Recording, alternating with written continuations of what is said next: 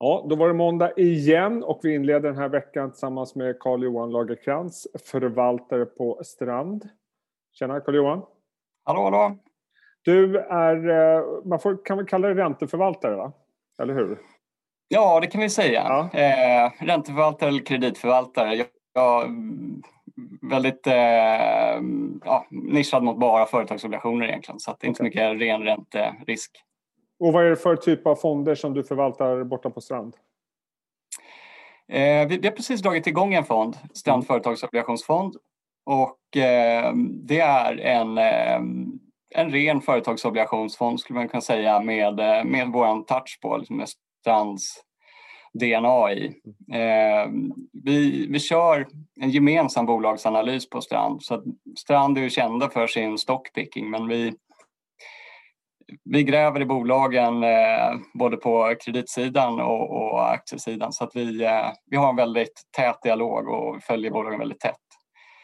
Eh, I övrigt om jag ska säga någonting mer om fonden så eh, vi, vi tror på liksom diversifierad fond i den här marknaden.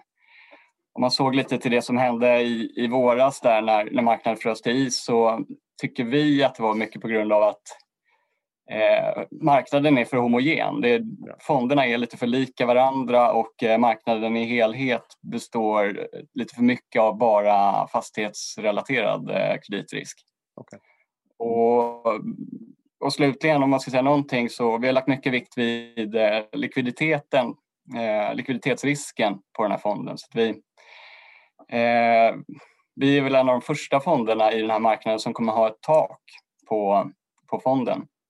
Eh, vi inser helt enkelt att eh, fonder kan bli för stora i den här marknaden och då tappar man flexibiliteten och du kan inte alltid agera rationellt och komma ur de positionerna du vill komma ur. Utan vi, vi har satt ett tak på 3 miljarder vilket vi tycker är, är bra utgångspunkt i den här miljön. Mm. Jag tänkte knyta an lite grann det du nämnde om fastigheter där. Eh, med tanke på att eh, det, det har varit en väldigt speciell sektor under hela det här året. Eh, börjar återhämta sig lite grann nu. Vi har dessutom sett allt fler affärer vilket aktualiseras i budstriden eh, mellan SBB och Castellum nu i Entra. Om vi börjar i den ändan, varför tror du att obligationsmarknaden är så, domineras så pass mycket av just fastigheter? Alltså jag tror om vi backar bandet till innan Lehman och eh, bankstressen under 2008-2009 så var egentligen eh, så fanns företagsobligationsmarknaden i Sverige och Norden men svenska industribolag var tidigt liksom för stora för, eh, för det svenska banksystemet. Så svenska klassiska industribolag har, de har finansierat sig på företagsobligationsmarknaden fast Eh, på e- Europamarknad och USA-marknad. Eh, men samtidigt då så om man ser till den kreditrisken som fanns kvar i banksystemet så dominerades den till stor del av eh, fastighetsmarknaden. Och i och med Lehman-kraschen och alla regelverk som, som kom efter den så eh, spelar mycket på att eh, du ska lätta kreditriskerna ur banksystemen. Du ska få ut det i marknaden för att eh, bankerna ska inte sitta på för mycket risk. Man vill inte hamna i den situationen att skattebetalarna ska behöva mm, lösa ut en bank igen. Utan eh, mer kreditrisk ska komma ut på värdepappersmarknaden och eh, i banksystemet finns det, fanns då framför allt väldigt mycket eh, fastighetsrelaterat. Så det har egentligen varit en eh, gång ditåt nu att vi, vi har sett sedan 2009 typ, väldigt liksom, stark eh, tillväxt då, på värdepappersmarknaden. Bankskuld som har, har kommit ut som eh, företagsobligationer istället. Då. Så att eh, det, det, är en, eh, det är en växling som sker som marknaden behöver och eh, det blir dyrare för bankerna att låna ut pengar så att det här liksom, blir en del av deras affär att sätta obligationer i marknaden istället. Jag får känslan av utifrån det du säger i och med att fastigheter är så dominerande obligationsmarknaden. Jag har sagt det tidigare också att kreditmarknaden blir därför en ganska bra mätsticka för hur, hur sektorn mår, fastighetssektorn. Och, och om vi backar bandet mm. lite grann till våren så var det ju liksom nästan total torka kändes det som, vilket också fick fastighetsaktier att eh, inte bara rasa utan det tog väldigt lång tid för dem att återhämtat sig till skillnad mot väldigt många andra delar av börsen. Nu får jag känslan av att kreditmarknaden eh, säger på något sätt att Nej, men nu är det helt okej okay här. Vi har sett eh, en del affärer, vi har sett en del eh, uppgraderingar och, och så vidare. Vad, vad är ditt eh, känsla för temperaturen just nu och hur man ser på fastighetssektorn? Nej, men jag, jag håller med dig. Jag tycker att eh, den känns... Eh, det har, det har, varit en generell återhämtning kan man säga i marknaden. Kreditmarknaden har gått väldigt starkt sedan botten där i april. Eh, så du ser egentligen att allt har återhämtat sig ganska bra men till en början så laggade fastigheter. Men som du säger så har det kommit ikapp mycket nu. Eh, jag skulle säga att nu har det gått några kvartal och man har fått en lite bättre eh, bild av hur bolagen påverkas av covid-19 och, och, hur de har hanterat det.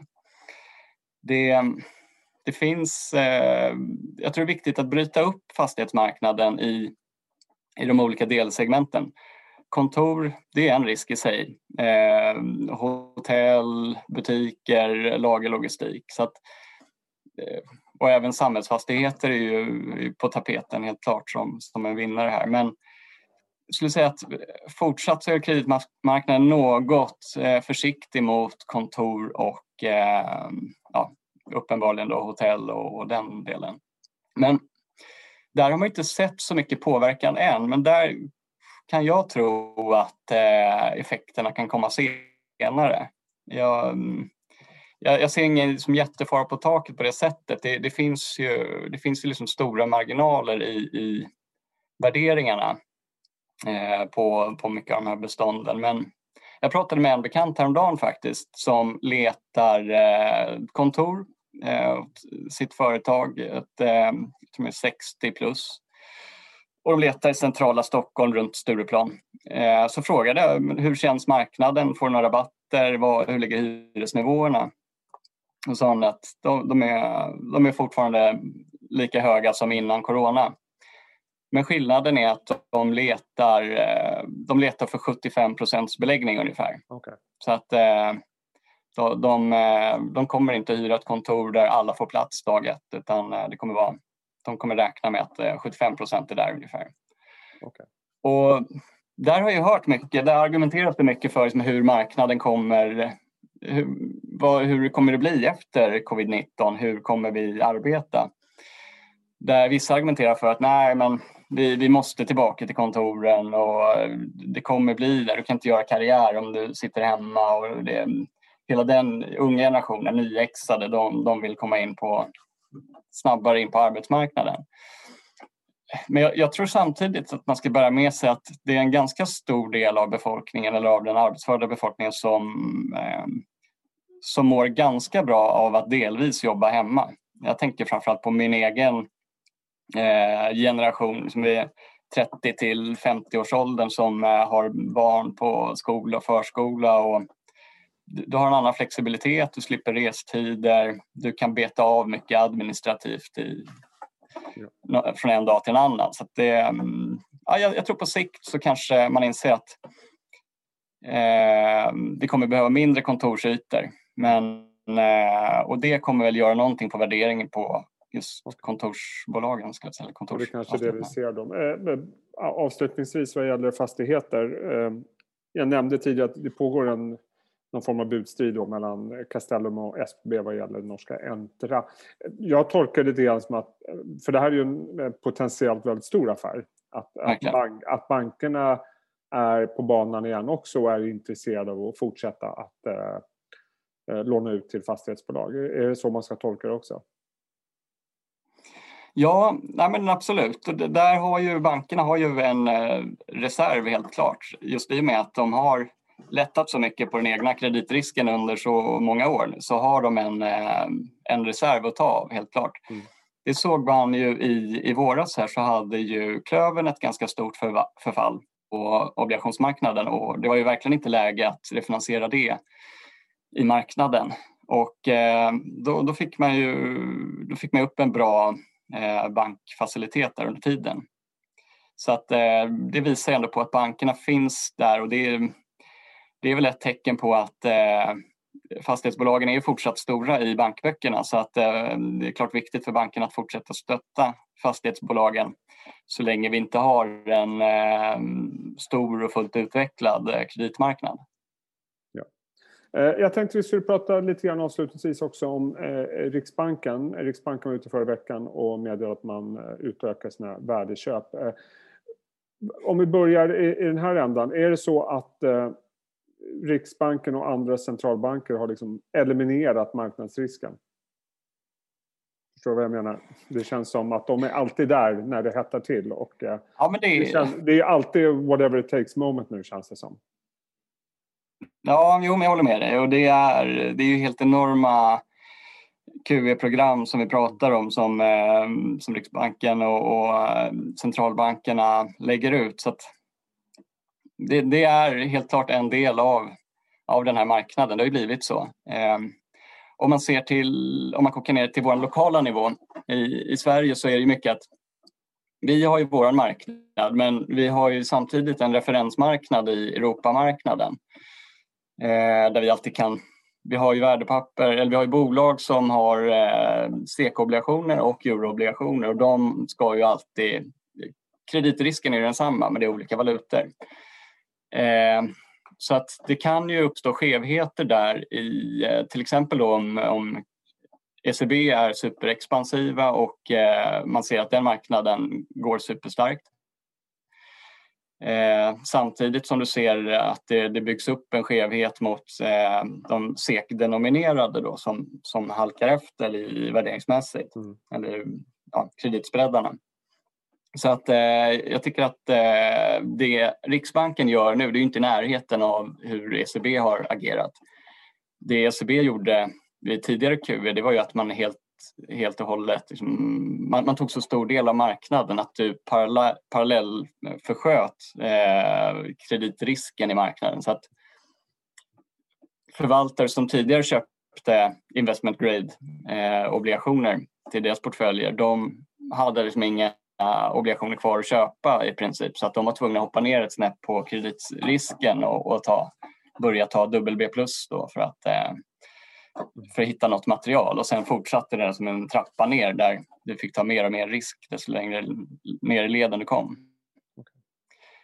Så att det, men eh, som sagt, Riksbanken, eh, centralbankerna, mm, absolut, de, eh, de stöttar den här marknaden. För samtidigt så har ju de de är en anledning till att eh, få ut kreditriskerna från bankböckerna. Så att, eh, det är ett sätt att, eh, att rädda det för att eh, vi behöver den här marknaden. Alltså, näringslivet behöver företagsobligationsmarknaden för att fungera.